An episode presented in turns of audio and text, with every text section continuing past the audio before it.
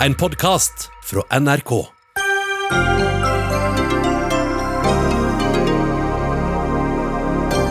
Stortinget får bare polerte versjoner av koronarapporter, mener Siv Jensen, som krever mer åpenhet. Uheldig med mistenkeliggjøring, svarer Høyre. Et lite fargerikt jakkemerke skaper debatt. Hva er galt med det norske flagget, spør Dagen-redaktøren. Polariserende utsagn, svarer Knut Arild Hareide.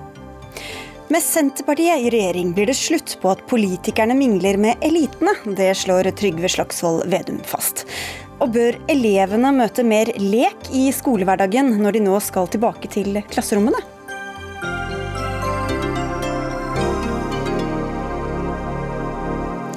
Jeg heter Sigrid Solund og ønsker velkommen til Dagsnytt 18, hvor vi også skal diskutere EU i lys av koronapandemien og mulig forhåndsdømming av Tom Hagen.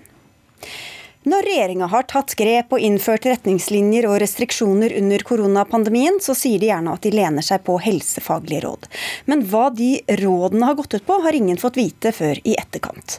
I VG i dag kritiserer opposisjonen på Stortinget regjeringa for hemmelighold av koronarapporter. Nok er nok, sier du Siv Jensen, leder av Fremskrittspartiet, og hevder at dere får polerte versjoner. Hva mener du med det? Det jeg tar til orde for, er at vi må få endret eh, denne, eh, denne, arbeidsmetoden. Sånn at de faglige rådene regjeringen lener seg på, blir kjent for Stortinget og offentligheten før regjeringen trekker sine konklusjoner. Og Det er rett og slett fordi da har Stortinget og eh, allmennheten også for den saks skyld anledning til å mene noe om dette før regjeringens beslutninger er tatt. Um, og Det mener jeg er helt nødvendig, i hvert fall i den fasen vi er inne i nå. Det er mange ute i det norske samfunnet som har meninger om uh, dette. Um, vi er altså inne i en, har vært gjennom en veldig alvorlig krise hvor vi har stengt ned store deler av samfunnet. Norsk økonomi har kommet i betydelige utfordringer. Mange har mistet jobben. Eh, og nå er det på tide at samfunnsdebatten tar en litt annen form. Bærer preg av litt større grad av åpenhet. Sånn at også Stortinget får anledning til å mene noe om de tiltakene regjeringen iverksetter. Men her har det jo kommet stadig nye rapporter, og mye av det inneholder ganske komplisert og forvirrende informasjon. Hvor godt eh, opplyst blir vi egentlig av å få den informasjonen absolutt hele tiden, i stedet for i mer prosessert form? Altså, jeg syns regjeringen vært veldig flink til å forklare en del av de vanskelige faglige, tekniske tingene for allmennheten. Men nå er det Stortingets eh, jobb da, å eh, ta del i dette. Det er Stortinget som fatter bevilgningsvedtak. Det er Stortinget som må eh, godkjenne en del av disse tingene som, eh, som eh, regjeringen iverksetter. Og det er nå en gang sånn at altså, Jeg mener at regjeringen har stått på dag og natt, og det er det ingen som kritiserer de for. Skjønner det har vært krevende for de også. Men det er en eh, mindretallsregjering som er helt avhengig av at de beslutninger de tar, har eh, bredde, støtte i Stortinget. Um, og særlig nå når det blir mye debatt i samfunnet om når man skal åpne opp og i hvilken rekkefølge. Vi ser jo stadig vekk at helsefaglig så er det ingen innvendinger, men regjeringen velger likevel å ikke Eh, følge de helsefaglige rådene. Eh, og så har vi sett debatten om at det visstnok er en eller annen kø som ingen skal få snike i. Den debatten har vi hørt gjennom helgen, hvor idrett eller fotballen ikke måtte snike foran alle andre. Og da lurer jo jeg på eh, hvordan ser den køen ut? Eh, hvordan har regjeringen prioritert rekkefølgen på hva som skal åpnes, og hva er liksom de faglige begrunnelsene for at man skal ta det ene foran det andre? Vi tar det med videre, Siv Jensen. Går til deg, Sveinung Stensland, helsepolitisk talsperson for Høyre. Siv Jensen driver med mistenkeliggjøring, sier du. Men hvordan er det mistenkeliggjørende å bare ønske seg mer informasjon og åpenhet? Nei, Det som eh, jeg reagerte på, var jo oppslag i VG der det blir antydet at en driver med hemmelighold. Og det stemmer jo ikke, for alle disse rapportene har jo blitt gjort tilgjengelige. Det er jo hemmelig en stund, da. Ja, de er hemmelig en sånn frem, altså, når regjeringen fatter beslutninger, så er beslutningsgrunnlaget normalt hemmelig. og Det er sånn nå når vi jobber med statsbudsjett, eller regjeringen jobber med statsbudsjett, jobber med andre saker. Så kommer det en rekke delrapporter, så strekkes det konklusjoner basert på det. I etterkant så blir det jo gitt innsyn i det. Smittevernloven ble oppdatert i fjor. Det ble lagt fram fra regjeringen en oppdatering av den som gir regjeringen ganske klare fullmakter på eh, tiltak i smitteverntjeneste. Og det var nødvendig med raske raske beslutninger fort, for å, en skrudde jo i prinsippet av samfunnet veldig fort. Og da trengte en rask handling, og da måtte det gjøres på denne måten her. og men, det tar alle hvor, Hvorfor blir det vanskeligere å gjøre tiltakene raske eh, bare fordi at offentligheten eh, skal få lov å være med å diskutere dem i forkant? Når det gjelder, Dette har jo blitt forklart av helseministeren senest i VG i dag, men når det gjelder smitteverntiltak og innstramming, så kommer det flere delrapporter. Hvis den ene delrapporten kommer på mandag, den andre på tirsdag, den tredje på onsdag, så tar konklusjonen på torsdag. Da får du en litt sånn skeiv debatt. Det er bedre å ha en samla eh, beslutningsgrunnlag. og så er det regjeringen som har ansvar for helheten i disse beslutningene. Og de må ta beslutningene og stå i de, og så må det skape legitimitet i befolkningen. Men er, er det ikke interessant nettopp å se om det f.eks. er uenighet mellom Folkehelseinstituttet og Helsedirektoratet om hvilke råd som ligger til grunn? Jo, men det, det er jo belyst godt det i etterkant. Men hvis en, hvis en skulle tatt hele den debatten i begynnelsen på mars, eh, den gruppa mener det, den gruppa mener det, så hadde det nok blitt krevende å en ned f.eks. skoler og en rekke arbeidsplasser så fort. Og vi ser jo i ettertid at det var nødvendig å gjøre. Vi hadde høye smittetall. Nå har vi eh, relativt god kontroll på smittesituasjonen, og vi ønsker jo at det fortsetter sånn. Hvis du hadde sittet fortsatt i regjering, Siv Jensen, så hadde du kanskje ønska deg det handlingsrommet regjeringa har, har hatt også? Det er jo et hypotetisk spørsmål, men la meg si det sånn. Jeg syns ikke dette går an å sammenligne med helt ordinær saksbehandling i en regjering. Eh, statsbudsjettbehandling osv. Vi er nå inne i en helt ekstraordinær situasjon. En pandemi som rammer hele verden, som har eh, ført til de mest inngripende tiltakene i Norge siden eh, krigen. Da er vi i en unntakstilstand som jeg mener krever betydelig grad av åpenhet, fordi det gir også trygghet for innbyggerne så er det jo ingen som har kritisert at regjeringen etter smittevernloven iverksatte raske tiltak da de gjorde det. Det jeg tar til orde for nå, er at nå må disse rapportene komme når de er klare. Eh, det forsinker jo ikke en altså, eneste Publiseres fortløpende, det er det du tar til orde for? Ja, for, og det vil jo ikke for, til hinder for at regjeringen tar de beslutningene regjeringen må ta når de tar den. Og selvsagt skal regjeringen stå for de beslutningene de tar. Men det kan jo hende at eh, Stortinget har noen synspunkter etter hvert på, på hvordan rekkefølgen på disse tingene nå skal være. La meg liksom ta en problemstilling. Hvorfor er det greit å sitte flere i baksetet på en taxi, men ikke greit å sette seg inn i en eh, kjøreskolebil sammen med én sjåfør for å gjennomføre føreropplæringen? Det er en del sånne ting som folk går og lurer på. Og som jeg ikke har hørt regjeringen ha gode svar på. Eh, vi hører flere statsråder si eh, at det er smittevernrådene fra Folkehelseinstituttet som er årsaken til at man ikke kan ditt og datt. Men vi ser jo at det ikke er tilfellet. For de blir ikke fulgt. Ja, du, du, sa selv at det var veldig avhengig av folks tillit. Men hvordan skal man ha tillit når man ikke aner hva som ligger til grunn, og hva som er begrunnelsen for de forskjellige tiltakene? Og som Siv Jensen også var inne på, hvilken rekkefølge ting skal skje, og denne planen som regjeringa har som ikke noen skjønner helt hva går ut på. Nå, nå, var det jo Siv Jensen som snakket om at en hadde polert rapportene og holdt de hemmelige som, som utgangspunkt for diskusjonen. Det, det, stemmer ikke. Og når det gjelder eh, hvorfor en har gjort det en har gjort, så ligger alt det åpent. Hvorfor en har stengt ned. Når det gjelder eh, ja, men det som fortsatt ikke er offentliggjort, det kan man jo ikke vite helt hva som er grunn, grunnlaget, da. Det er ikke så forferdelig mye som ikke er offentliggjort. Og Folkehelseinstituttet publiserer jo artikler eh, stadig vekk. Og i denne sammenhengen så kommer det jo rapporter. og Det ser vi jo det er en grunn til at dette skrives om i mediene. Det er fordi at det blir gjort tilgjengelig. Så alt skal publiseres? Publiseres, alt skal offentliggjøres. Ja, det er jo ting som, eh, for Et eksempel har jo vært på smittevern. Så har det vært en veldig krevende situasjon med utstyr. og Da har det blitt holdt tilbake med lagerstatus rett og slett fordi har hatt, eh, det har vært vanskelig å få tak i rundt omkring i verden. Det har vært kriminelle miljøer i utlandet som har jobba. Altså det har vært mafialignende tilstander for å få tak på utstyr. Da har det vært et poeng å holde noe av det skjult, f.eks. Men nå er det av hensyn til alles og rikets sikkerhet. Men når det gjelder, når det gjelder alle disse enkeltspørsmålene der, så kommer det jo løpende vurderinger av det. Det som er regjeringens prioritering, er hensyn til barn, få i gang eh, skoler, eh, få i gang undervisning. Og så er det hensyn til arbeidsplasser og næringsliv, og så vil ting komme løpende. Men det som må være altoverskyggende, det er å holde kontroll på epidemien, sørge for at smittetallene ikke øker. Og det er det altoverskyggende i dette arbeidet. Siv Jensen. Men det er ingen som er uenig i at vi skal ha kontroll på epidemien. Eh, men når det å åpne opp for idrettsarrangementer og eh, sende alle barna på skolen, ikke har hatt eh, altså er godkjent av helsefaglig, fra et helsefaglig ståsted, så har jo allikevel regjeringen valgt å ta en helt annen eh, konklusjon på det. Jo, selvfølgelig stemmer det. Det, stemmer det, er, det var jo faktisk eh, folkehelsemyndighetene som? Ja, Siv Jensen er en ulempe her. Ja, kom igjen. Det er jo den problemstillingen som VG bl.a. satte søkelyset på i dag. Nemlig at de hadde bedt om innsyn i et dokument som viser eh, en del refleksjoner som folkehelsemyndighetene hadde forut for beslutninger som regjeringen tok. Og Det er jo informasjon som VG har måttet be om innsyn i for å kunne eh, skrive om. Sånn at Det er jo ingen som stiller spørsmål ved at eh, ting som gjelder rikets sikkerhet skal holdes hemmelig. Men det er ikke det vi snakker om her nå. Nå snakker vi om eh, å ha full åpenhet, begynne en bredere samfunnsdebatt om eh, Jeg vil gjerne utfordre Stensland på det. Denne køen.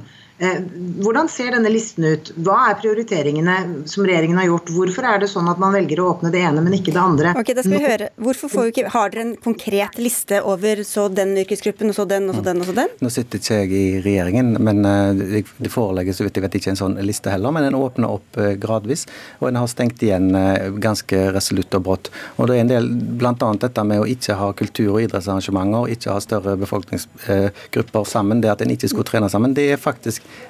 folke, altså helsefaglige råd som ligger til bunns for det. Der, der, regjeringen, der, regjeringen, har avviket noe fra, fra, de helsefaglige rådene, er på skolestenging. som ja. gjort på en litt annen måte. Men bare helt, helt, på tampen her, fordi I går så hørte vi at nesten alle tjenester har satt i gang smitteverntiltak som er vesentlig strengere enn det Folkehelseinstituttet gir. og Da snakker vi bl.a. om barnevern og tilbudet til barn og unge. Mm. Kunne ikke det vært annerledes dersom disse rapportene hadde vært offentliggjort? Jo, eh, det er helt sikkert mye som kunne vært gjort annerledes her. Men det som regjeringen har framført, og som jeg er helt enig i, det er nemlig at hvis en åpner opp for alt på en gang, så mister en kontroll. Og det ser vi jo at f.eks. Ja, eh, sist helg for eksempel, så så en jo at eh, det var var det statsministeren som advarte mot hvis folk fortsetter som de gjorde i Bergen i helga, med ganske mye folk på utestedene, så ville det kunne gjøre at det måtte stramme inn. Ja, Det var noe helt annet enn det jeg spurte om. ok, Det var det siste du rakk å si. Takk skal dere ha begge to. Siv Jensen fra Fremskrittspartiet og Sveinung Stensland fra Høyre. Dagsnytt 18 alle hverdager klokka 18.00 på NRK P2 og NRK2. Er ikke så ofte vi i Dagsnytt 18 får spørsmål om gjestenes antrekk, men eh, det har vi fått en del ganger de siste månedene. For det mange har lagt merke til, er den runde, fargerike jakkenåla som pryder jakkeslaget til mange politikere. Nåla symboliserer FNs bærekraftsmål, men den har også skapt mye debatt, særlig at etter at flere stortingsrepresentanter fra Fremskrittspartiet varslet at de aldri vil gå med den. Og nå får de støtte av deg, redaktør i den kristne dagsavisen Dagen, Vebjørn Selbekk. Hva er galt med å signalisere at man støtter FNs bærekraftsmål? Nei, altså Jeg har ikke noe imot uh, å gå med den pinnen. Jeg kunne gjerne ha gått med den, jeg òg. Da sier vi takk for debatten, da. Ja, Ikke helt, da. fordi at uh, Utgangspunktet for meg er at uh, vi nå er i en svært, svært dyp krise i Norge. Vi har opplevd de mest inngripende tiltakene siden andre verdenskrig. Vi har en helsekrise som nå er i ferd med å gå over i en økonomisk krise. Liv går tapt, livsverk går i grus. Og eh, Når vi da ser våre statsråder eh, stort sett hver ettermiddag står og holder pressekonferanse, eh, ber oss om å være med på denne nasjonale dugnaden, så er det ikke et nasjonalt symbol man, man samles rundt, men et FN-symbol. Og Det jeg bare ber statsrådene tenke litt over, det er denne eh, symbolikken. Eh, når man nå eh, ber oss om å være med på, på, på dugnaden, når vi har den største, tyngste krisen siden andre verdenskrig, er det ikke da fint å symbolisere også den samlende kraften som, som, vi trenger i en sånn tid. Altså Kongehuset og også flagget. Mm. Det gjør eh, ikke statsråden. Jeg ber dem bare tenke over det. Kunne ikke også vært eh, fint å heller vise dem et nasjonalt samlende symbol? Statsråden, det er deg, Knut Arild Hareide. Du er også samferdselsminister. Du går ikke med denne nåla sjøl, men du, du Nei, forsvarer men jeg kunne, jo, jeg kunne gjort det. Ja, og Du kaller det populistisk, det Selbekk sier.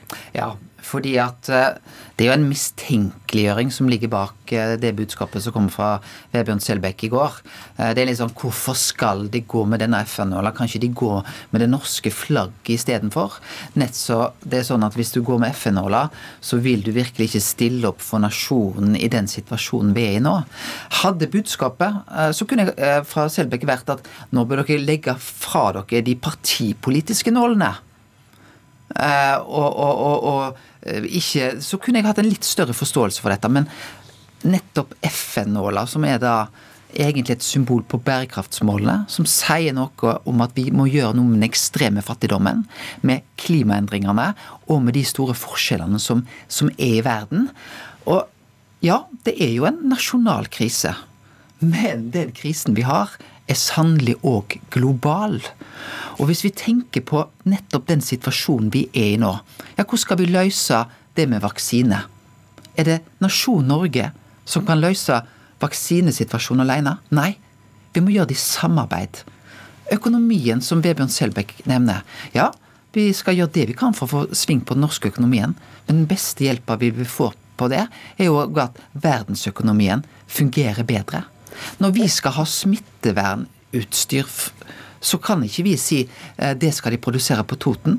Nei, vi trenger faktisk å få det fra Kina. De, de, stikkordene, altså Helseøkonomi det er egentlig midt i kjernen av det ja, denne pinnen representerer. det. Nå syns jeg Knut Arild Hareide karikerer meg litt, og jeg vet en del om eh, karikaturer. Det er klart at vi, vi, vi alle sammen, tror alle nordmenn, kan stille seg bak eh, FNs bærekraftmål. Alle 17 stykker.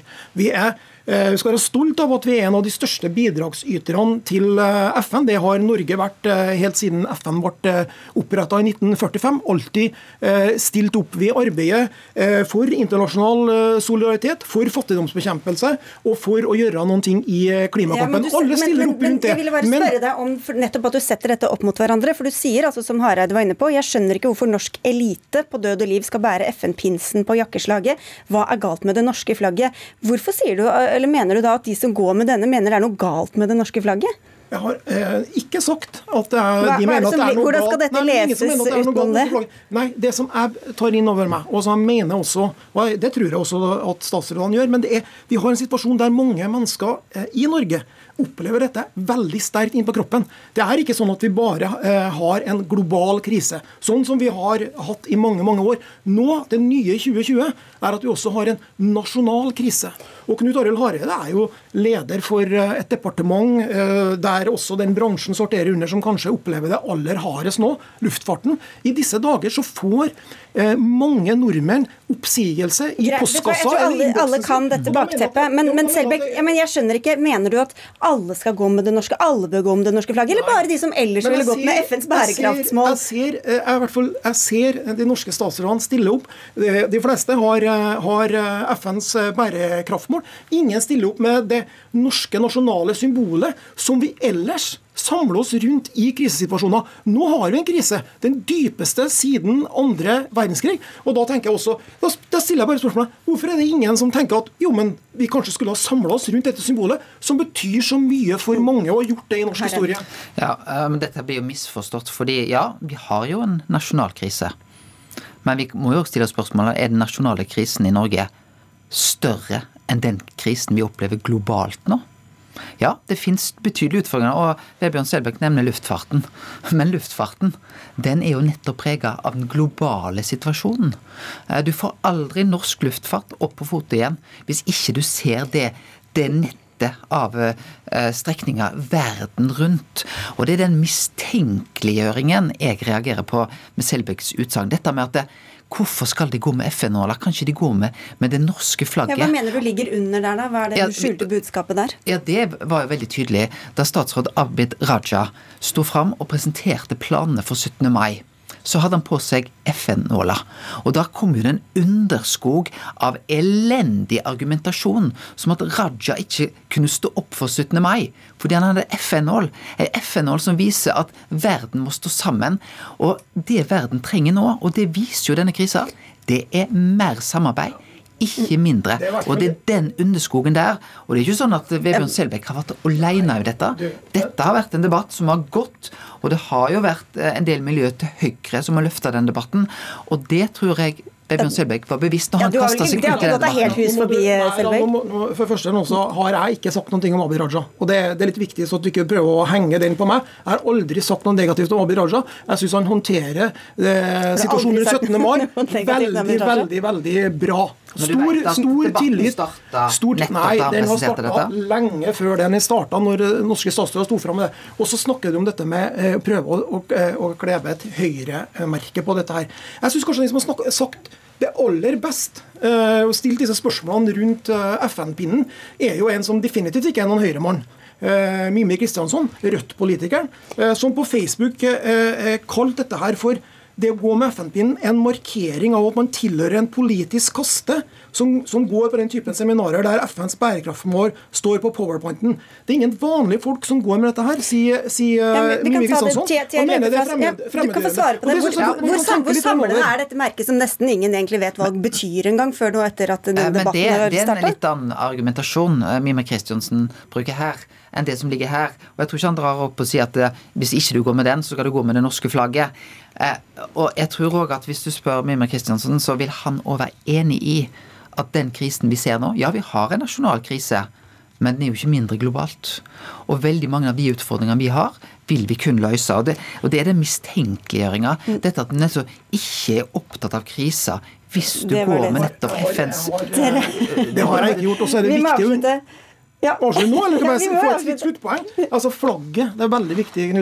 Flagget er ikke noe nasjonalistisk eh, høyresymbol. Det er et samlende symbol som vi har samla oss rundt i krisesituasjoner tidligere. Og det må vi fortsette med. Det er flott, og det bør vi løfte fram. Og det bør vi gjøre både 8. mai og 17. mai. Og da har vi et flagg og en binders på Knut Arild Hareide, så ingen FNs bærekraftsmål her i dag. Det får man google hvis man er interessert i det. Takk skal dere ha begge to, Knut Arild Hareide og Vebjørn Selbekk.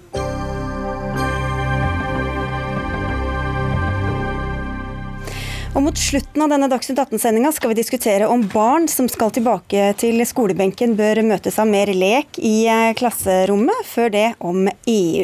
For koronapandemien har understreket hvor viktig EØS-avtalen og samarbeidet med EU er. Det var noe av budskapet da du holdt en redegjørelse for Stortinget i dag, utenriksminister Ine Eriksen Søreide.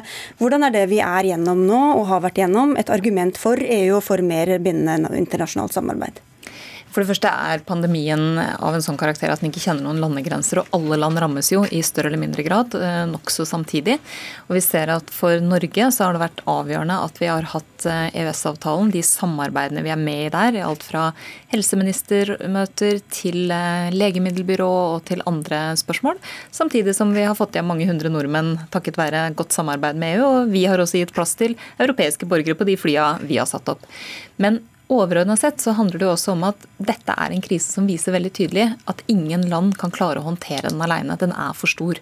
Og vi ser veldig klart at EØS-avtalen ikke bare nå, hvor vi altså har fått eh, tilgang til eh, veldig mange av de samarbeidsområdene som vi har trengt for å kunne håndtere krisa nasjonalt, men vi har også klart å holde økonomien i gang, fordi vi har hatt et marked å selge varene på, våre på. Mm. Og vi har fått importert de varene vi trenger, enten det er smittevernutstyr eller industrivarer. Trygve Slagsvold Vedum, Senterpartileder. Jeg føler meg litt dum som spør dette, men har pandemien gjort deg mildere stemt overfor EU? Altså, alle som er eh, norske politikere, er jo glad for at vi har gode europeiske naboer. Eh, det som er diskusjonen, er jo om vi syns det er klokt at man skal konsentrere mer og mer makt til et overnasjonalt organ i Brussel, eh, som er eh, langt fra hverdagen til folk. Og Det mener vi er en dårlig konstruksjon, eh, som er konfliktskapende. Og ikke er svar på de problemene vi har stått overfor nå. Og når vi har sett det de siste ukene, så er det nasjonalstatene som har tatt hovedgrepene. Sørge for nasjonal kontroll på helsepolitikken. Det ligger jo til nasjonalstatene. Det er de som gjennomfører tiltakene. Vi ser at nasjonalstatene også har innført grensekontroll, for de er opptatt av å kunne ha en viss styring med som kommer inn og ut av Norge eller andre land. Og så ser vi at For Norge så har det vært et problem at vi ble tvunget pga. EUs eh, tankegang om fri flyt å legge ned det norske medisinaldepotet, medisinaldepotet som vi hadde til 2001. Og Det er den fri flytenkninga som har vært i EU over tid, der du konsentrerer veldig mye makt til noen få, som vi i Senterpartiet er grunnleggende mot, og som det norske folk har sagt nei til to ganger. Og når du leser redegjørelsen til Ine Eriksen Søreide, så er det jo en måte en sånn eh, sørgmodig høyrekvinne som holder da en uh, redegjørelse på og er lei seg for at det norske folk ikke har sagt ja til EU. For det er en måte en hyllest til EU fra A til Å. Okay, altså, norske folk har jo, norske, norske folk har ønska at vi skal ha nasjonalt selvstyre. og Det har vært en god modell for Norge. Og vi ser at veldig mange land har gjort nettopp det samme nå. Tatt nasjonal kontroll, for det er viktig. Men internasjonalt samarbeid er alle for. Ok, men for Det virker kanskje litt rart for noen at du skal hylle EU eh, i en situasjon hvor mange har etterlyst større beredskapslager i Norge, mer egenproduserte medisiner, redde for ikke at vi er selvforsynte med mat osv osv. osv. Ja, for det første så var jo ikke redegjørelsen veldig sørgmodig. Den var snarere tvert imot. Du har kommet deg i hvert fall, kan jeg si. har kommet meg, absolutt. Og jeg har vært i godt humør hele dagen. Fordi redegjørelsen var jo nettopp et bilde på det veldig tette samarbeidet som er i EU, og som Norge drar veldig stor nytte av akkurat i den krisa vi er nå. Som vi gjør alle andre dager i året. Og vi har jo valgt det samarbeidet. Jeg representerer jo et parti sammen med andre partier enn Senterpartiet, som jo eh, deler den meninga flertallet i det norske folk har om at EØS-avtalen er viktig for okay, Norge. Men til det jeg spurte om da, med liksom hvor, det, det er selvforsyningsgraden de fleste har vært opptatt av mer enn akkurat EU-spørsmålet disse dagene? For å bruke Trygves eksempel, da. Eh, det har jo ingenting å gjøre med at Norsk medisinaldepot ikke lenger fikk lov til å ha monopol, at vi ikke kan lagre beredskapslagre av medisiner. Det har jo Finland gjort, og de har vært medlem av EU siden 1994. Det er jo et valg nasjonalt vi tar, fordi helsepolitikken er nasjonal, akkurat som i EU. Og dette minner meg litt om eh, altså Trygves argumenter minner meg litt om da du og jeg drev EU-valgkamp eh, sammen på begynnelsen av 90-tallet, rett nok for hvert vårt standpunkt, hvor det var en eh, Senterpartimann ved navn Lundteigen som var ute og mente at Norge burde produsere egne vaskemaskiner.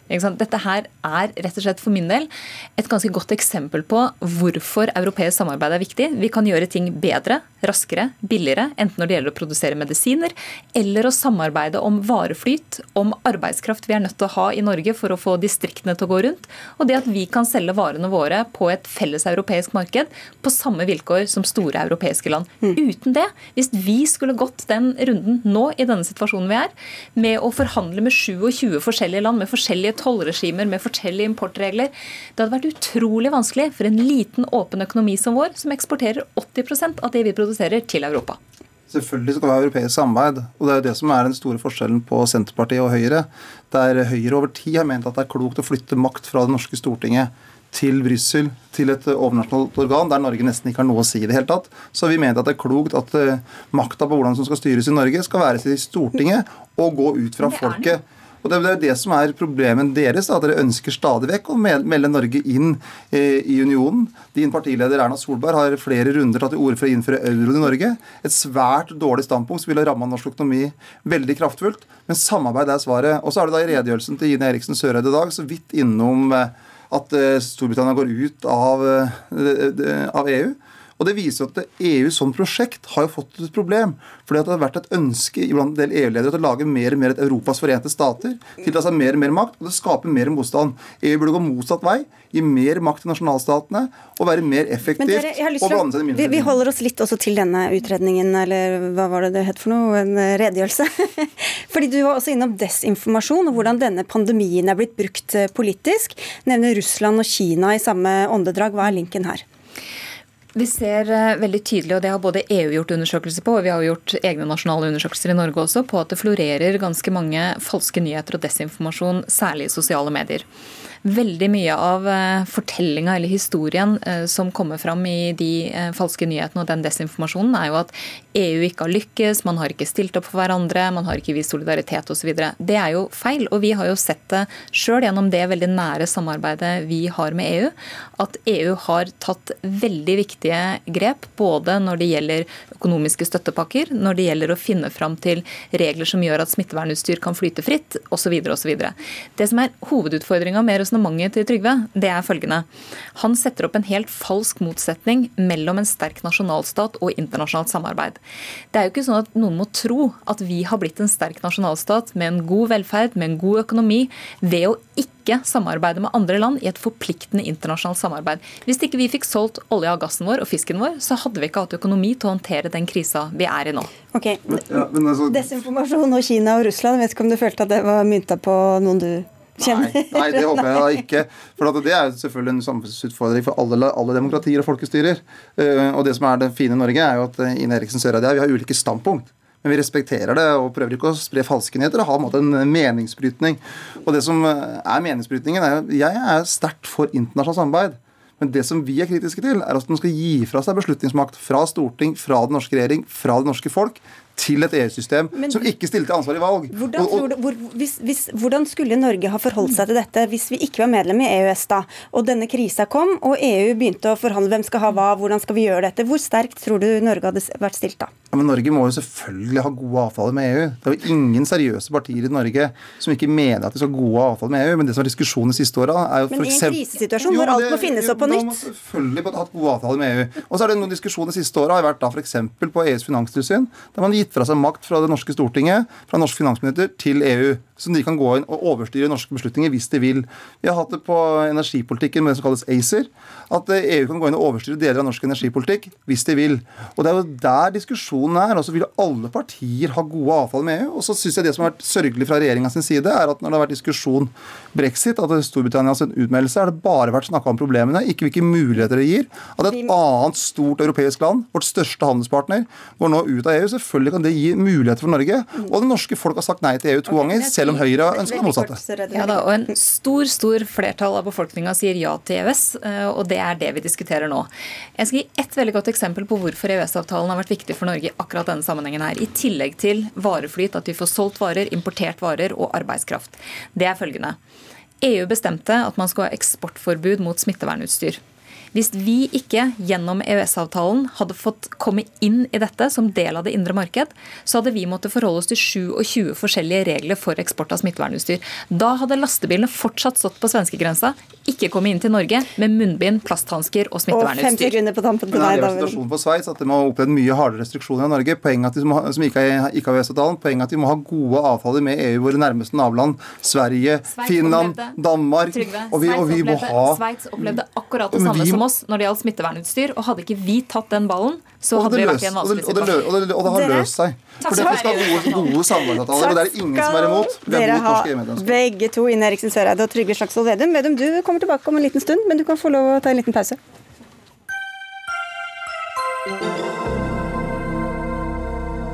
I dag gjorde politiet nye undersøkelser på eiendommen til drapssiktede Tom Hagen. Bl.a. ble en kum i innkjørselen hans undersøkt. Flere medier sender direkte fra stedet, og vi har den siste uka sett, eh, siden Hagen ble pågrepet, kunnet lese om livet hans, om påståtte ekteskapsproblemer med kona Anne-Elisabeth Hagen, ektepakten deres, hva slags bil og telefoner Tom Hagen har, og ikke minst om han er teknisk kompetent.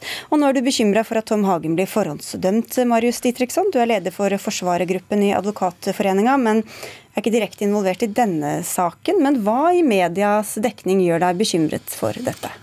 Nei, Vi må ikke miste av syne at uh, dette er uh, samfunnets oppgjør med en siktet, uh, gitt at han er skyldig, og da må det avklares om det er situasjonen. Og I den forbindelse er omtalen av den etterforskningen som nå må finne sted, og som finner sted, den har gått ut av alle proporsjoner og bør finne sted i en mye roligere form enn det vi har i dag. Ja, hva, slags, hva, betyr det? Hva er det som ikke er i en rolig form? Ja, Den er eh, svært omfattende og altovergripende. Eh, som du nevnte innledningsvis selv. I dag har vi fått vite at de har snudd et eh, kumlokk i oppkjørselen hans. Og folk undrer seg hva lå der. I går var det arbeidsplassen hans. Dagen for der er det andre ting. Og vi følger politiet i deres daglige arbeid og forventer at der vil vi finne noe. Ehm, slik at vi, vi, tar på en måte del i en, i en slags historie som samme dramaturgi som en, disse true crime-historiene vi ser, hvor vi forventer at ting skal skje. Og etter hvert så danner det seg et bilde om at uh, det er noe han skjuler. Han er skyldig. Ja, Gaur Sterjo, ansvarlig redaktør i VG. Denne massive dekninga fra alle hold, eh, kan bidra til å forhåndsdømme? Nei, det er jeg ikke enig i. Altså, for det første tror jeg vi må huske at dette er en helt ekstraordinær sak. Dette begynte jo som en forsvinningssak. Det er en av de største etterforskningene på mange, mange år i Norge. Og jeg syns ikke det er underlig at mediene dekker det som skjer nå tett. Iallfall ikke når det har vært en helt dramatisk utvikling de eh, siste dagene, der eh, på en måte offer i denne saken plutselig blir siktet for eh, drap eller medvirkning til drap. Og så I denne fasen nå så mener jeg at det er helt riktig at mediene dekker dette tett, og man dekker det jo tett av flere grunner. Vi dekker det for å informere folk om hva som skjer. Vi dekker det for fordi at vi driver et kritisk søkelys mot politiet. Og eh, denne dekningen her er jo på en måte Skjønner at den er belastende for siktede, eh, selvfølgelig. Men det er òg en del av hele rettssikkerheten at mediene òg skal følge med på det som skjer rundt en sånn etterforskning som dette. Men du skriver også, eller sier også Didriksson, at eh, det er detaljer som brukes som menneskelige egenskaper, som hentes fram og som vises i et eller annet narrativ som, som tyder på at han er skyldig. Hva tenker du på da? Ja, Man glemmer etter hvert at det trengs bevis for skyld, i idet de omstendigheter som, eh, som medieomtalen forfølger, er eh, små pussigheter og særegenheter hos, eh, som kan være sammenfallende med hva hver og en av oss har. Eh, F.eks. han er milliardær, men se der bor han, og han kjører ikke finere bil enn det. Og inviteres inn i en tankerekke om at dette må være en gjerrig person, og økonomi, det er vel det som ligger bak eh, drapet som man jo helt sikkert er eh, skyldig for. Eh, for det er det som er vinklingen på den medieomtalen som nå finner sted. Man er ikke i stuss over at, over at politiet selv har forfulgt en helt annen innfallsvinkel frem til nå. Vi har ikke fått høre et eneste bevis som skulle tilsi at dette skulle snu. Det er, må ikke miste av syne at dette kan hende en helt uskyldig mann som nå er anklaget for dette forholdet. Sterro, det å, som dere har gjort, gå inn i ektepakten, det å vise fram bil osv., osv. Hvilket inntrykk kan det gi? Nei, Jeg vet ikke hvilket eh, inntrykk det gir. Jeg leser saken litt annerledes enn uh, Dietrichson her, iallfall. Men vi må huske at økonomi har vært en del av denne saken helt fra starten. Altså Dette begynner med en uh, Det blir meldt om en bortføring med et krav om masse løsepenger. Og hvorfor er det Hagen som er offer for dette? Det handler jo om økonomi i utgangspunktet. Så tar saken en dramatisk vending, og det er klart at da er det interessant for oss å fortelle hvordan er økonomien mellom disse partene når han er anklaget for medvirkning til drapet på sin kone. Dette er en ektepakt som, som ikke kan se at, annet enn å belyse saken. Og når det gjelder bilen, så var det slik at han ble jo pågrepet i denne bilen på åpen gate, så jeg eh, syns ikke det er så rart at det eh, nevnes. Men, eh, men, men, jeg kan ikke se uansett at disse opplysningene bidrar til å forhåndsdømme Hagen. Det er medienes oppgave å og belyse denne saken og omtale denne saken. Og jeg syns ikke det er rart at man gjør det og snur på, at mediene snur på alle steiner i denne saken, fordi saken er så ekstraordinær. Mm. Og det å kritisere mediene vil gjøre det lettere for forsvareren i rettssalen å påstå at han er forhåndsdømt, eh, Så Kanskje det er en heldig sak? Jeg tenker bare vi skal eh, ikke miste av syne at, eh, at den ikke er dømt. Og uskyldspresumpsjon er et viktig prinsipp. Men er du ikke enig i at dette er en veldig sensasjonell sak som har stor interesse ute i offentligheten, og som dermed kanskje fortjener å bli dekket så grundig? Ja, Saken bør dekkes uh, grundig, men etterforskningen må jo kunne gå sin gang nå uten at man skal forfølge den skritt for skritt og gå inn i de liturgiske formene vi kjenner fra, fra, fra true crime, hvor vi alle hva skal jeg si, pirrer nysgjerrigheten vår litt og ønsker å følge med på hver eneste ting som skjer, ut fra den tanke om, og det er jo vinklingen, at uh, hvor er bevisene for at han er skyldig, for det er han nok. Eh, jeg tenker at Vi må ikke miste av syne at, at, han eh, ikke er det. Det skal ennå bevises at han er det. Um, og uh, i, en, i en sak som dette. Ja, altså, det er, Hvis det er noe spesielt ved denne saken, her, så mener jeg det at norsk presse har vært mer tilbakeholdne egentlig enn normalt. Vi må huske utgangspunktet her, der norsk presse får vite om denne forsvinningen, men velger da å følge anmodningene fra politi og familien og ikke omtale forsvinningen i mange, mange, mange uker, nettopp av hensyn til eh, etterforskning av saken. Og mens denne forsvinningen har pågått, dette er jo en etterforskning som har vart veldig lenge, der det egentlig har vært ganske stille rundt etterforskningen. Det har ikke vært mange oppslag rundt etterforskningen. Så blir Hagen pågrepet, og det er klart at det får mye oppmerksomhet nå i disse dagene han har blitt pågrepet. Men det, vi er jo vi er jo helt enig i at mannen er uskyldig inntil han er dømt. Og vi er jo minst like opptatt som eh, min motpart her om å, om å se på har politiet gjort noe galt i denne saken. Og blir han nå løslatt, viser det seg at han er eh, uskyldig i denne saken, så vil jo det åpenbart i alle mediene òg blitt rettet et kritisk søkelys mot politiet. Men den unnfallenhet man kan hende hadde helt innledningsvis, hvor man var kanskje svært forsiktig med å omtale saken, kan jo ikke kompenseres ved at man nå tråkker til desto mer og, og overkompenserer ved at det nå snakkes om det for mye. Det er et detaljnivå på et privat nivå, på et se nivå hvor vi går inn i saken og alt settes inn i en kontekst skyld, ikke skyld, som ikke hører hjemme i en medieomtale i alvorlige straffesaker i Norge i dag. Ja, det, det jeg, altså jeg kjenner meg ikke igjen i den beskrivelsen av det, eh, rett og slett. Og det er ikke sånn at det at vi var forsiktige i starten eh, forsvarer noe som helst eh, nå. Eh, men hele eh, poenget er at når nå denne saken kommer til en så dramatisk vending, så mener jeg det er medienes oppgave å fortelle hva som skjer. Hvilke grunnlag ligger det for denne siktelsen? Hvilke bevis er det politiet fremmer? Hva er forsvarers argumenter? Og hva er det ved denne familien som gjør at man har gått til det skritt å pågripe eh, ektemann til denne kvinnen som er savnet. Og Det mener jeg, det mener jeg er riktig å gjøre. at dette, dette to er de opplysningene som har kommet ut i mediene om økonomien, det, det syns jeg er helt åpenbart relevant for å belyse, belyse, belyse saken. Men da er det medienes oppgave å forfølge nemlig ja, hvorfor er han skyldig, istedenfor å trekke frem helt alminnelige pussigheter og sette det i et skyldperspektiv. Ja, men Jeg mener ikke vi har gjort det, men uh... Hva lå under kumlokket, egentlig? Nei, Det må du jo spørre politiet om. Vi, vi forteller at det... I Norges største avis i dag, hva all verden er det for noe? Ja, Det tror jeg er en helt naturlig del at de etterforskningsskritt som gjøres nå, både rundt det antatte åstedet og andre steder, det er klart at det er offentlig interesse hva politiet gjør på det de mener nå er et åsted for et drap. Så både Kumlokk og Hagen og mer til kan man følge i VG og i NRK og i alle andre norske medier. Takk skal dere ha begge to. Marius Ditriksson fra Advokatforeningen og Gard Steiro, ansvarlig redaktør i VG. Hør Dagsnytt 18 når du vil. Radio NRK Radio.nrk.no.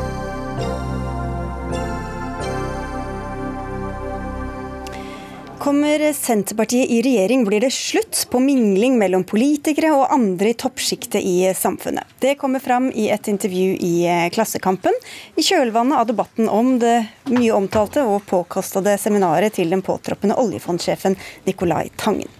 Men hva slags regler skal dere egentlig ha mot den slags Senterpartileder Trygve Slagsvold Punkt nummer én, bruk huet. Og Hvis du ikke klarer å forsvare det for naboen din, eh, at du skal dra på den type seminar, så ikke dra på dem. Og det er et, veldig viktig at de som er folkevalgte, de som sitter i regjering, de som er statssekretærer, er jorda i virkeligheten. For det som er det skumleste, er at du går på den type seminarer, går på viktige møter, viktige frokostseminarer, og så glemmer du i hverdagen de som faktisk har stemt deg inn. Altså, jeg er folkevalgt. Eh, og da skal jeg representere folk. Og da må du også leve i hverdagen, så du kjenner hverdagsproblema og kan ta tak i dem. Og det er skummelt når du får den type elitearrangement, elitefester, som det her eh, Tangenturen var langt borte fra virkeligheten til folk, der du skal diskutere hverdagsproblemene, diskutere motsetningene i Europa en som bekymra mine. Men jeg tror hvis man hadde bare sett seg rundt i det seminaret, sett hvem som var der, så hadde de skjønt gjennom å bruke intellektet sitt at noen av motsetningene i Europa kommer nettopp pga. den type ansamling av folk som bekymrer seg for de der ute, de andre, eh, de som skaper problemer, de som får brexit i gule vestene, istedenfor å ta tak i reelle problemer i reelle folks liv. Men når du snakker om elite, som du jo gjør ganske ofte, så det finnes jo mange typer eliter. Økonomisk elite, kulturell elite, politisk elite, sikkert mange flere. Hvem er det som skal definere da hvem som tilhører denne eliten? For, altså I Norge så har det vært en kamp her siden midten av 1800-tallet, eller starten av 1800-tallet mellom Wergeland og Welhaven. Da der måtte Welhaven var veldig negativ til Wergeland. Liksom bøndene og, og den, den, folkelige norske kulturen. Og, og, det har vært en kamp mot embetsmannsstaten gjennom hele 1800-tallet og frigjøringa fra svenskedioden 1905, noe Høyre for øvrig var imot i sin tid. Eh, så det, og det har vært en diskusjon hele tida. Og det som har vært det fine i Norge, er at vi har hatt folkesuverenitet. Altså Det er folket som har makta. Det er folket som gir meg som stortingsrepresentant makt. Og det er Stortinget som gir da statsrådene makt. Og Derfor er det så viktig at det gjordes. Og vi må slå ned på den type tendenser. At du skal skattlegge vanlige arbeidsfolk hardere. F.eks. bussjåføren som nå har hatt frikort. Det syns Høyre og regjeringa var altfor for flott og fint. Så okay. den skulle skattlegges hardere. Jeg vet ikke om du svarte helt på spørsmålet. Mens toppembetsmenn ja. kan reise på turer til uh, USA, få betalt turen, og hvis de da ikke liksom, når det da blir avslørt og betalt, så skal staten ta det uten at de skatter av fordelen. Den type samfunn vil jeg ikke ha. Jeg vil ha et samfunn med likhet, mm. og det er vi som er folkevalgte, står til ansvar overfor folk. Nils August Andressen, ansvarlig redaktør i Minerva. Du kjenner jo mange i politikk og samfunnsliv. Ser du på deg selv som en del av eliten? Ja, det gjør jeg. Eh, det tror jeg, jeg, tror det er fint å ha elitedebatter, og diskusjoner om eliter lever i avsondrede bobler. Og, og det er en fare som må ta på alvor. Og jeg lever i et sånt miljø hvor det er noe man må ta på alvor. Så det, Jeg mener ikke å avvise hele den debatten. Jeg vil bare først korrigere to ting. Jeg representerer jo ikke Høyre, så det er fint om vi ikke først og fremst argumenterer mot dem. Altså, han så på meg da han sa Høyre. Ja, ja da, du er, jeg kan være Høyre. Høyre altså, ja, Jeg trenger ikke å forsvare dem. Det er det ene. Det andre er at eh, Wergeland var nok ikke akkurat en bondesønn. Han var nok embetsmannsstand, han også. Men over til temaet, Trygve. Du, du, skriver, eller du sier i dette intervjuet, du snak, og du sa det nå også, du snakker om gule vester og brexit, kjøttskam og dieselbiler. Altså Dette er sånn anti-elite-bingo. Du, du tikker av på alle boksene. Uh, og Det er jo sånn, det, det, er viktig å ha en sånn elitedebatt, men det er veldig dumt om elitedebatten bare er en måte å score politiske poeng på. Fordi ingen av disse temaene har jo noe med dette seminaret å gjøre. ikke sant? Altså, jeg, jeg, gjetter på at de som var der, ikke var preget av kjøttskam. Jeg, jeg, gjetter på at de spiste kjøtt, hvis jeg skal være helt ærlig. De fløy jo fly, jeg tror ikke de hadde dieselskam heller. Og de snakket ikke om brexit, og de snakket ikke om gule vester. De snakket om internasjonal finans, sosialpsykologi, kunst og arkitektur. Så kan man mene at det er elitetemaer. Men det er jo temaer som er viktige i politikken. og er, Man kan si at det er viktig at politikere og andre, det var først, ikke først og fremst politikere som var her, som, eh, det er viktig at politikere er bredt engasjert i de temaene som politikken handler om. Uh, og det mener jeg at det er sånn, Hvis vi skal ha en elitedebatt om hvordan elite lever i bobler, så må man gå inn i det på en ordentlig og seriøs og konkret måte og si hva, hva det er som er problemet. Og det er, liksom, det er, så lett å karikere det hvis man vil. fordi At man drar til USA, kan det forsvares. Altså, dette, var jo ikke, dette var ikke sånn som da uh, Senterpartitoppen i fjor dro på ferie i en villa i Italia som de bodde i uten å oppgi skattefordel av det. Det er jo ikke en sånn tur. Dette er en tur hvor de aller fleste ikke var nordmenn. ikke sant? Seminaret foregikk i et annet land. Og også Senterpartitopper drar, og bør dra, på seminarer i utlandet hvis det er relevant for jobben. Det, det, mener jeg er viktig å få frem. Så jeg bare si en, en ting ja, men Du trenger ikke å si alt på en Nei, gang. Det, det, det, er helt riktig. Mm. altså, det er fristende å si at Senterpartiets landsmøte er jo et eliteseminar også. Jeg vet ikke, så tilbake til hvor, Hvem er det som bestemmer hvem, hvor, hvem er eliten? Du er jo en del av eliten sjøl, da. Altså, det er jo folkestyre på sitt beste, det er landsmøtene til partier. Altså, det er uh, folk som jobber som lærere, men, bønder, håndverkere. Men anser du deg som en del av eliten? Nei. Jeg er folkevalgt.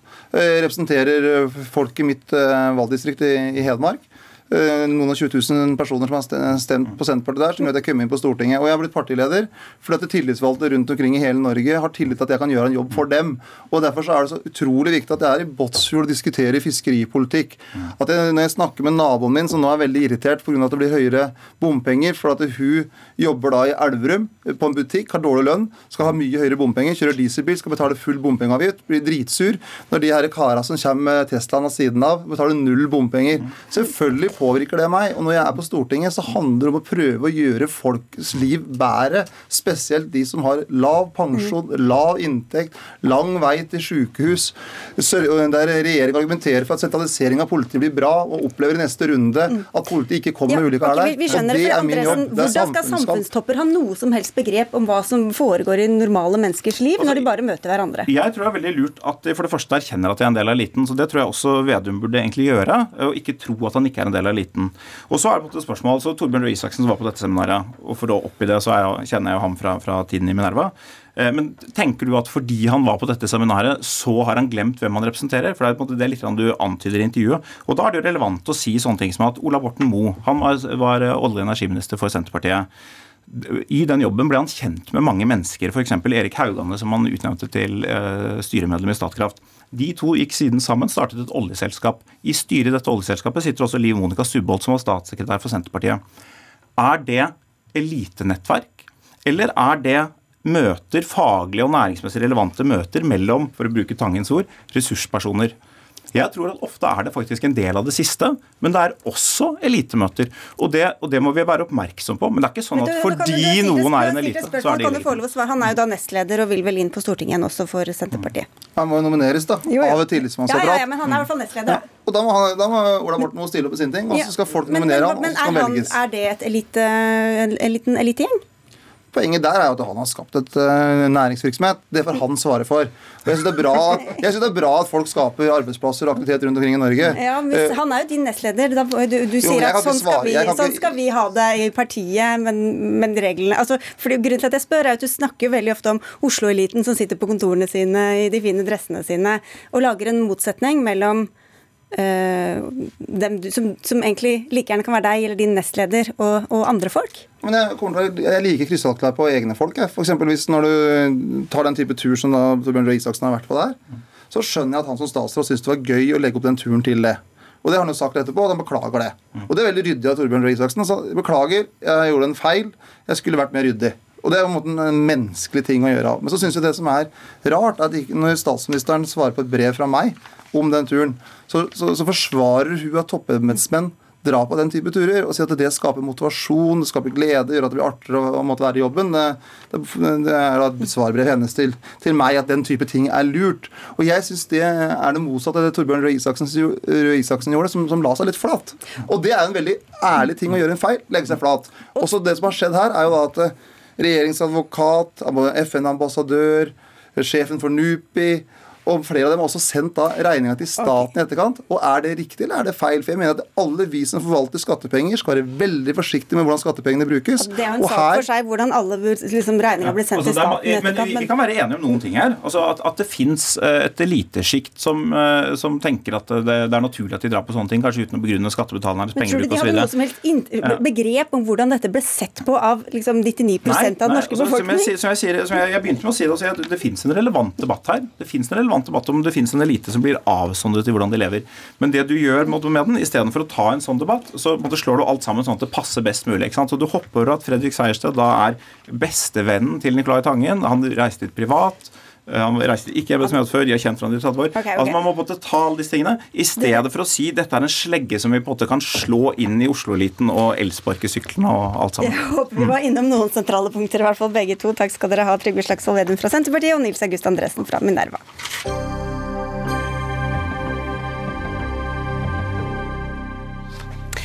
Snart åpner skolen igjen for alle landets elever, får vi i hvert fall tro. Men hva slags undervisning kommer de til å møte? Fem pedagoger ved høyskoler og universiteter er ikke i tvil om hvordan skolen bør ta imot elevene etter mange uker med hjemmeundervisning. La skolen bli en lek, skriver dere i et innlegg i VG, Trude Evenshaug. Du er førsteamanuensis i pedagogikk ved Universitetet i Sørøst-Norge, og en av kronikkforfatterne. Hvorfor skal det bli en lek? Skolen bør bli eh, en lek, dvs. Si man bør gi barna rom for fysisk lek sammen med vennene sine i trygge omgivelser på skolen. Fordi det er det klokeste vi kan gjøre akkurat nå. Og egentlig så er det jo nødvendig fordi, av smittevernhensyn. Fordi eh, Eh, smittevernreglene er sånn at eh, veldig mye av eh, undervisningen må foregå på andre måter enn det vi er vant til i skolen. Lek og aktiviteter ute vil være helt nødvendig for å få skolelogistikken til å gå opp. Men det er også eh, samtidig pedagogisk klokt eh, å la barna gjenerobre hverdagen sin på, en, eh, på sin egen måte, mm. nemlig gjennom lek. Hvis vi legger det praktiske litt til side, det har vært ganske vanskelige uker for ganske mange elever nå. Så hvordan kan mer lek være måten å kompensere for det som for mange har vært uker med tapt læring? Ja, Hvorvidt det har vært tapt læring, det tror jeg det er litt tidlig å si noe om. Vi skal ikke glemme at eh, lærerne har drevet undervisning med hjemmeskolen digitalt gjennom hele denne perioden. Eh, men det kan vi jo ikke vite riktig ennå, hvordan, hvordan det faktisk har vært. Men eh, det er, har vært mye uro, engstelse blant både foreldre og andre voksne, som nok barna også har fått med seg. Og barns måte å, å, være, deres helt særegne måte å være i verden på, det er å bearbeide og møte ting gjennom lek. Um, og antagelig så Derfor så tenker vi at uh, hvis vi nå lar barna få utfolde seg uh, i, i, lek, uh, særlig de yngste, da, mm. nå i, fram mot sommeren, så vil det være veldig klokt. fordi det vil være en måte for dem også å bearbeide denne veldig rare og underlige tida som vi har vært igjennom, og som de også har opplevd som rart, antagelig. Mathilde Tybring-Gjedde, du sitter på Stortinget i utdannings- og forskningskomiteen for Høyre. Mer lek for å senke skuldrene, for å bearbeide litt, kanskje akkurat det elevene trenger? Altså jeg har jo stor tillit til at lærere er opptatt av at elevene skal ha trygge rammer og komme tilbake i fellesskapet, og mange gleder seg til det, og møte læreren sin og møte vennene sine. Men mange av elevene gleder seg også til noe annet, nemlig å være i undervisning, det å mestre, det å lese og skrive regne igjen, det å få hjelp av læreren i klasserommet. Eh, det å knekke nye koder. Um, og det jeg reagerer på i den kronikken til Evenshaug, er at hun liksom, er redd for at skolen skal prøve å ta igjen det tapte læringen. Og jeg er jo ikke redd for det overhodet, for jeg ser jo ikke på læring og trivsel som en motsetning. Og jeg mener snarere tvert imot at for mange, mange elever, særlig de som har havnet etter, de som kanskje sliter med grunnleggende ferdigheter. Eh, skolens viktigste oppgave er jo å løfte dem. Det liksom, det er, og hvis det er å ta igjen læring, eh, så er jeg for det. Ja, for det kan jo hende at forskjellene har økt, dette vet vi jo ikke eh, etter mange uker med, med hjemmeskole. Evenshaug. Hvordan kan mer lek være måten da å, å viske ut dette og få ta igjen den undervisningen på? Ja, Vi vet jo ikke som sagt, akkurat hvordan dette har vært, og det krever i så fall forskning for å finne ut. Men eh, jeg syns det er flott at, eh, at Tybring-Gjedde er opptatt av de elevene som, eh, som, har en utfordrende hverdag.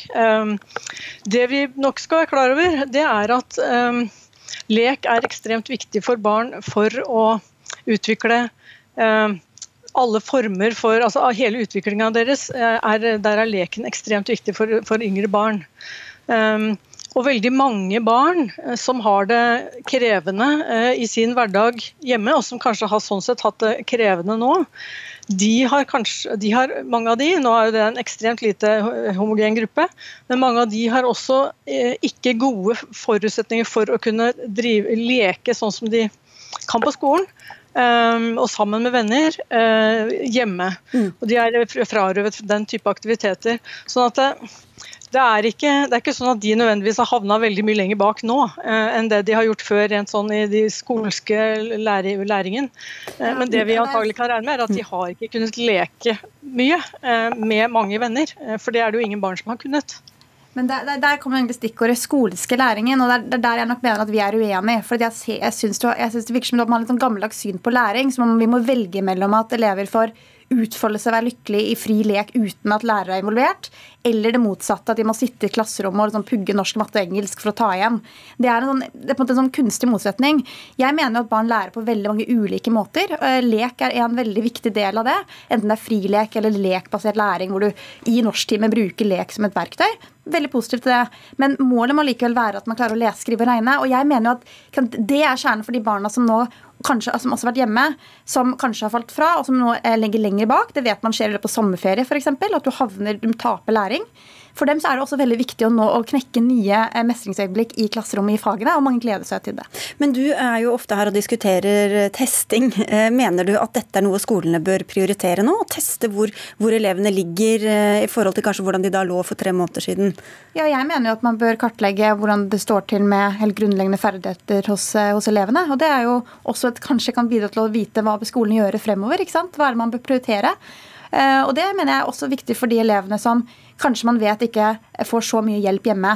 Og Jeg er enig at vi ikke vet 100% hvorvidt hjemmeundervisning har vært effektivt. Men jeg, jeg, må nok ærlig si at jeg, jeg, vil nok spå da, at eh, for de elevene som ikke får så mye hjelp hjemme, og som kanskje ikke har så interesse i skolen fra før, eh, så eh, er det, så er det å komme tilbake på skolen og det å mestre nye ting i fagene et veldig viktig poeng. Jeg vil selv. Ja, jeg, akkurat der er vi nok, har du rett i at du er uenig. fordi um, uh, Jeg tenker at uh, dette er nettopp ikke tida for å peke på læringstrykk og kartlegge kunnskaper. Det lærerne ikke trenger nå, det er å nok en gang bli, skulle prøves på om også deres måte å drive hjemmeskole på uh, digitalt med egne unger på fanget, er, har vært godt nok. Det, det, er det ene. Det andre er Nei, men det, altså det, å, det å, å liksom be om kartlegging nå, det tenker jeg faktisk er veldig uheldig. fordi det vil forsterke opplevelsen av stress og uro som både barn og voksne har kjent på de siste ukene. Og, så, eh, og dette blir jo mer sånn anekdotisk bevis igjen, og det er i grunnen det vi er litt eh, henvist til nå, dessverre. Eh, men lærere jeg snakker med, sier at de kjenner seg ikke igjen i at de nå sitter og, og nærmest ikke vet hvordan det står til med, med læringen hos elevene sine. Hjemmeskolen har for de aller fleste lærere vært en, eh, en, en, arena hvor de har hatt mye kontakt med elevene. Og det de faktisk har kunnet gjøre, om det nærmest vært utlevert til å gjøre, det er jo å be om eh, skriftlige eh, og også muntlig framførte innleveringer, sånn at de har kanskje bedre oversikt nå eh, enn det de ofte har ellers på akkurat de tingene.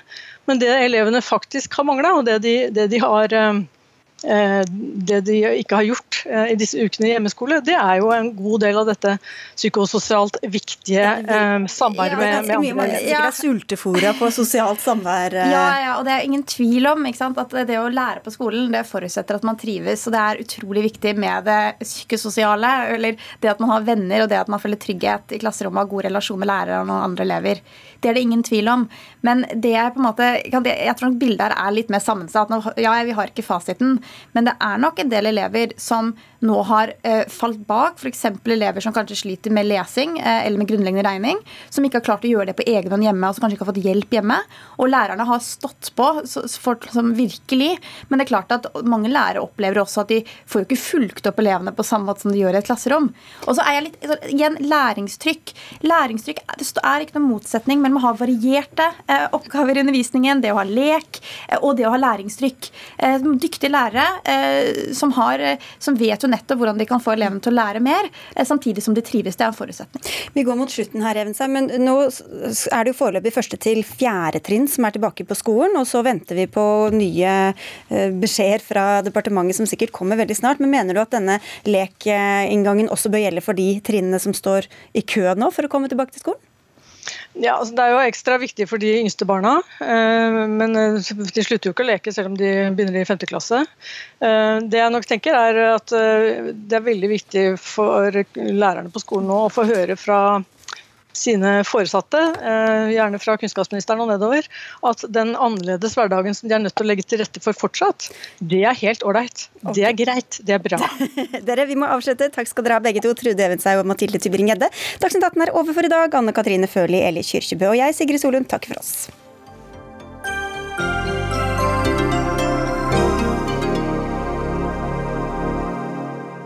Du har hørt en podkast fra NRK. Hør flere podkaster og din favorittkanal i appen NRK Radio.